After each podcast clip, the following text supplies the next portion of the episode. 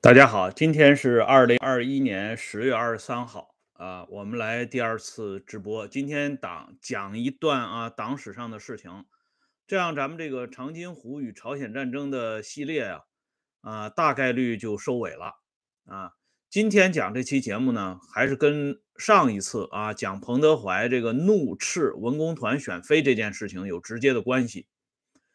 大家看一下这本书啊，这本书叫《彭德怀年谱》。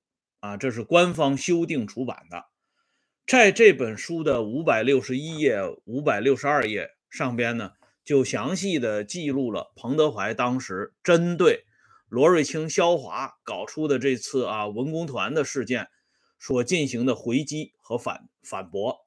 可是呢，上一次节目我给大家说过了，彭德怀啊，尽管指出了罗瑞卿和肖华的毛病。并且呢，毛泽东也对这个罗瑞卿管辖下的公安机关提出了严肃的批评，并做了书面的批示。可是呢，非常奇怪的一件事情发生了，在彭德怀年谱当中告诉我们，一九五九年七八月份的庐山会议结束之后，所进行的中央军委扩大会议，旨在全面的批判和批臭彭德怀。在这一次会议上呢，彭德怀当年针对文工团选妃的那段话被挖了出来，并且呢，作为彭德怀恶毒攻击党中央和毛泽东同志的罪状之一，给罗列了出来，受到全军上下的狠狠的批判啊！大家呢是义愤填膺，纷纷指责彭德怀敢啊向党中央开炮。敢向毛泽东同志开炮，这是万万不能答应的啊！彭德怀年谱的原话，我给大家说一下：庐山会议后，选妃竟成为彭德怀恶毒攻击中共中央和毛泽东的罪状啊！这么一段话就把这些内容给涵盖了。大家看过一部老的电视剧叫《亮剑》啊，这个《亮剑》里边呢有一段情节。就是这个二师的师长李云龙受重伤之后啊，送到战地医院，而这家战地医院的政治处主任啊，这个经常是给别人呢介绍对象。后来这李云龙啊就非常的生气，就呵斥这位政治部啊政治处主任。可是政治处主任自己却先倒了一肚子苦水，因为他说呀，有很多。啊，首长都看中了这里的护士啊！我作为政治处主任，如果不从中介绍搭桥，那么啊，他日后的这个日日子以及他的前程，乃至乌纱帽，可能都保不住。这段情节虽然是来自于戏剧，却也是一段非常写实的历史啊！这样呢，我们来看一下啊，彭德怀秘书。郑文汉后来担任军事科学院院长的郑文汉，他的日记里边就曾经详细的向我们介绍过，彭德怀主持中央军委日常工作的时候是如何啊怒斥和痛斥全军高级将领和高级干部这种腐化作风的。那么这种腐化作风是不是在和平年代才滋生呃滋生出来的呢？不是。在朝鲜战争，在那种战火纷飞、戎马孔偬之际，这种作风也是时时刻刻可以看到的。今天我向大家介绍一位军文工团团长，他的遭遇就是非常能够说明问题的。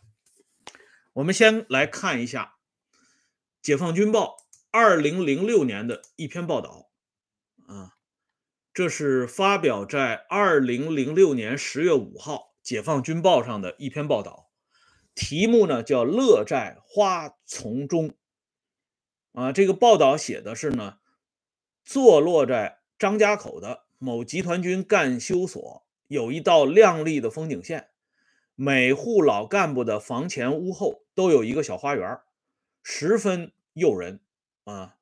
他讲了这里一位副师长对这个花花草草呢特别入迷，种了葡萄啊。枣树啊，还有月季、菊花等等，还有一位副军长呢，种的山楂树也特别的漂亮。这里他专门提到一位啊，这一位集团军政治部主任，原来担任集团军政治部主任的叫王维汉，他们家门前种的核桃树长得格外的茂盛，四面伸出的枝叶如同一把大伞，树下呢摆的是石桌啊、石椅啊、石桌、石座和藤椅，古色古香。而王维汉主任最大的乐趣，就是与干休所的老伙计们在核桃树下聊天。每当说起他当年当文工团团长时扮演的角色，树下见便飞出一阵阵开怀的笑声。这么一篇啊短文报道，向我们展示了张家口集团军干休所这些退休的啊老军人们的业余生活。和他们的晚年乐趣，王维汉主任和他的战友发出的这些开怀的笑声，很难与王维汉主任当年在担任入朝参战的六十五军文工团团长期间发生的一系列事情相联系。因为就是这位王维汉主任，在六十五军担任文工团团长期间被打成大老虎。什么叫大老虎啊？啊，我们今天不看到了吗？反腐永远在路上，哎，腐败分子、贪污犯就是大老虎啊。那么他是如何被打成这个贪污犯和大老虎的呢？我们来看一下，这个入曹参战的六十五军呢，他是有两个叫王维汉的啊，一个是后勤部负责这个卫生工作的叫王维汉，还有一个就是这文工团团长王维汉。文工团团长王维汉也算是一个老资格了，标准的八路军干部啊。他在抗日期间呢，曾经非常活跃的啊，在这个冀热辽地区这个尖兵剧剧社里边担任演出的骨干啊，很有名气。当时刘大为、张景富、王维汉，这都是这个剧社里边的台柱子。这王维汉本人呢，十四岁。参加革命，一九四三年啊，抗日战争时期加入中国共产党。所以他到六十五军担任文工团团长的时候呢，非常敬业啊，兢兢业业，一丝不苟。可是就在这个时候，他不经意之间做出的一个举动啊，或者说呢，他完全出于这个好心做出的这个举动，却犯了众怒了。什么举动呢？就是当时六十五军呢，是驻扎在这个开城一带啊。大家知道这开城啊，是属于这个啊交战双方谈判的中立区，所以这开城暂时它没有战争。哎，因此呢，这个六十五军里边一些师一级的首长啊，还有一些团职的干部，他们经常参加这个文工团。啊，为主体的这个舞会活动，其中呢，这些老首长们向维王维汉呢就提出来啊，就是说这个文工团有很多这个漂亮的啊，这些文工团团员啊，呃，都跟这些这个老首长们经常在一起跳舞啊，他们呢随意挑选舞伴但是这里呢就出现了一个状况，因为。当时呢，这些师一级和团一级的干部当中呢，很多都是光棍，啊，还没结婚；有的呢是早年结了婚了，老婆在乡下，啊，也算是没结婚啊。他们这跳舞呢就跳舞，可是跳着跳着呢，这手呢就开始不老实了，啊，就出现了一些突发的情况啊。大家想一想，他们这些老光棍儿。啊，又是老军人啊，久经沙场，他们这个手啊有多重，大家都知道啊，几斤几两，所以他们这手艺不老实呢，文工团的这些姑娘们就害怕了。但是毕竟他们都是首长啊，所以文工团的这些团员也不敢有太激烈的反应，因此呢，他们私下里就跟团长王维汉反映了，说有些首长啊。有点这个不够意思啊，这有点过分，这手呢放到了不该放的地方。这王维汉听了以后啊，也非常挠头，因为这里边有些首长都是他的直接上级，或者是间接上级。即便不是他的上级，人家职务也比他高。他文工团团长只是个团职干部，人家都是师长啊、政委之类的，他不敢得罪。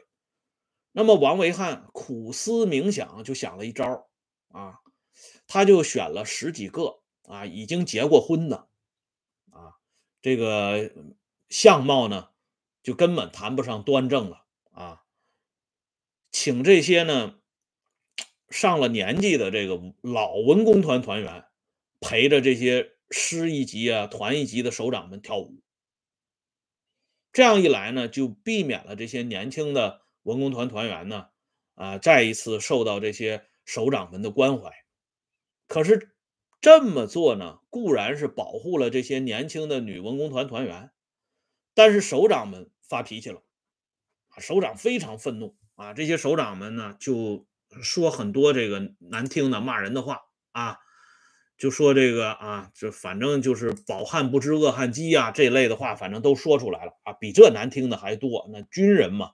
他张嘴的话，他一旦发怒，他说的话不会好听。骂人还在其次，接下来就开始动手了。啊，不是说要打这王维汉，而是把这王维汉办成了贪污犯，啊，直接就说他是大老虎，给抓起来了。抓起来以后呢，啊，派这个军啊军政治部，啊。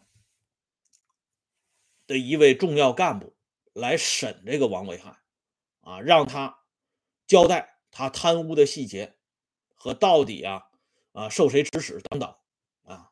这王维汉他没贪污啊，他怎么能交代呢？所以呢，这个他就拒绝交代，拒绝交代嘛。这个军政治部的这位干部呢，就领着好几个当兵的，把这王维汉关到屋子里。就开始暴打，一顿痛打，把这王维汉打够呛。打了之后还不算啊！大家知道啊，这个大家看过这《长津湖》这电影，知道那个朝鲜那个时候啊，这个特别的冷，冬天。这样呢，他们就把王维汉一个人关到这个屋子里，这屋子里没有任何取暖设备，而且把这王维汉的呃棉袄、棉裤、棉鞋和棉帽子都给收走了。把这王维汉给冻的直哆嗦，那不仅哆嗦，那那个情景就不用形容了。所以这个时候呢，有好心人啊，就是看押王维汉的人看不下去了，他们知道啊，这个要再这么冻下去的话，这王维汉这条命就没了。所以出于战友的这个情怀，就劝这王维汉说：“你先别硬顶着，你先承认。”一点好过关。如果你硬顶着，你会被活活整死的。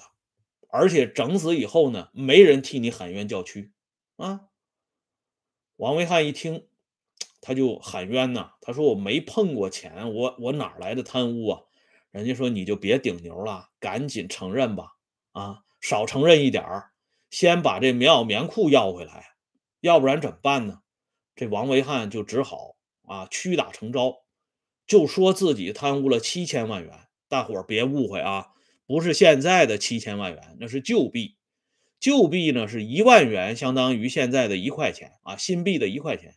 七千万元呢就是七千块钱人民币。哎，他这么一交代，这个军政治部呢如获至宝，马上就派保卫部部长出面啊，跟这个王维汉谈，说你说吧，这七千块钱。啊，你都放到什么地方去了？这王维汉就瞎编嘛，就说我把钱都汇回老家去了，啊，都给家里人盖房子去了。哎，这军首长一听乐坏了，马上派保卫部部长带着一群干练的小分队，直扑这王维汉的老家，啊，要把这七千万元旧币给追回来，并且拿到实证。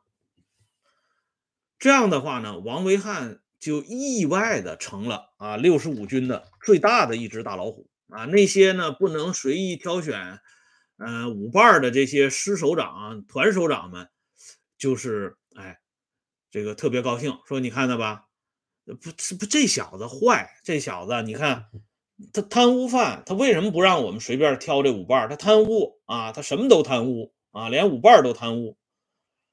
可是呢，这个军政治部保卫部部长去了一趟之后呢，兴致冲冲的去，然后呢，垂头丧气的回。这军首长就问怎么回事啊？钱弄回来没有啊？证据拿回来没有啊？这保卫部部长气得直骂，他说：“王维汉这老小子把我们给耍了。”他哪汇过什么钱呢？我们把这邮局都查了个底儿掉，还有他们家，他们家根本也没盖房子，住的破瓦寒窑的，啊，根本不像贪污了七千万元的样子。而且这邮局的那个领导都给我们啊拍了胸脯，拿这个党证啊，就是党员的资格做保证，绝没有收到这么一笔钱。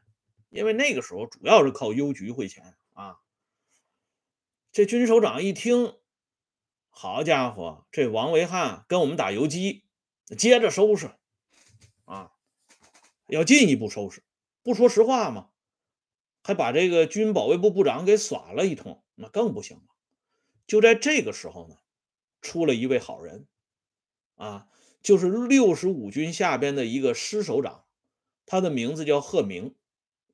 贺明是一九五五年被授予大校军衔。啊，六十年代中期呢，最后一次啊，被在军衔取消之前晋升为少将军衔。贺明将军退休前的最后职务是贵州省军区政治委员。啊，这个贺明当时是六十五军下边的师政委。这王维汉这事儿出来之后呢，这贺明就给这王维汉求情啊。说王维汉当不了文工团团长啊，没事儿啊，我们幺九三啊幺九三师要王维汉过来。当时的这个军长是萧应堂，后来被授予少将军衔，开国少将。这萧应堂他们研究来研究去，这王维汉也确实是拿不到实质性的证据，所以就给贺明一个面子，让贺明。啊，带王维汉去幺九三师工作，但是明确说了不能给王维汉安排职务。但是贺明还是顶住压力，给王维汉呢，啊安排了个副科长。最后处理的意见呢，就是把王维汉从团团长连降三级，降为副营职。所以贺明就给他安排个副科长。王维汉一直就在这个贺明手下工作，后来一直到这个集团军。担任军政治部主任，但是王维汉这个人呢，咱们说啊，王维汉这个人很厉害啊，不计前嫌呐。呃，一九七六年，我们都知道中国发生了一起这个最大的唐山大地震，而当时的六十五军原来的那个老首长萧应堂，他们正好住在北京的小西天儿啊那个地方。所以六十五军呢，啊，这个部队呢，负责去救援这位老首长。按说当年这个萧应堂他们这些人对王维汉是这样刻薄寡恩，这王维汉这个时候呢，人家完全可以随便找一个理由，我哪怕拖延一点时间，或者是在这里别人兑点水啊。但是王维汉没有这么做，尽心尽力的啊救援这位老首长。所以萧应堂一看见王维汉，啊，当场就给王维汉鞠了个躬，啊，实实在在鞠了个躬。他就说呀：“维汉啊，对不起你啊，三反运动冤枉了你啊，你你现在不应该是这么一个职务啊。”哎，但是王维汉呢就拦住了这个老首长，说：“算了，过去的事儿都过去了，现在呢，您赶紧跟我走啊，离开这个危险的地方，咱们转移到安全的地带。”所以这个故事呢，就是活生生的向我们讲述了当时朝鲜战场上大家看不到的另一面。而这段故事呢，是出现在哪儿呢？它的原文出处是出自于滕旭衍先生撰写的《贺明将军传记》里边啊。所以大家如果感兴趣的话，可以去看一看这本书。那么从王维汉这件事情。我们其实就已经看到，即便是在战争年代，这个高级军官啊、高级将领当中，这种作风问题已经相当普遍了。那么刚才我给大家引述的，要给大家展示的彭总他身边的这个秘书郑文汉将军留下的这本珍贵的日记里边，更是向我们讲述了类似的事情。首先，咱们先说这贪污啊，刚才不是说打这大老虎吗？一九五六年，彭德怀主持军委会议期间，担任中国人民解放军总财务部部长的余秋里向彭德怀汇报工作。他说，一九五四年到一九五五年，全军共发生贪污案件四百零二起，贪污人民币新币啊，这不是旧币了，九十二万余元。最大的案子啊，一次贪污人民币两万多元。就是说，从朝鲜战场回来以后呢，这个经过三反运动之后，这个军队内部的贪污现象呢，仍然没有根绝，而且呢，这数字呢还有点攀升啊。这王维汉算是大老虎，才捞七千多块钱，这个呢一次就两万多块钱，哎，职务呢也比王维汉高。那么生活作风问题就更可怕了。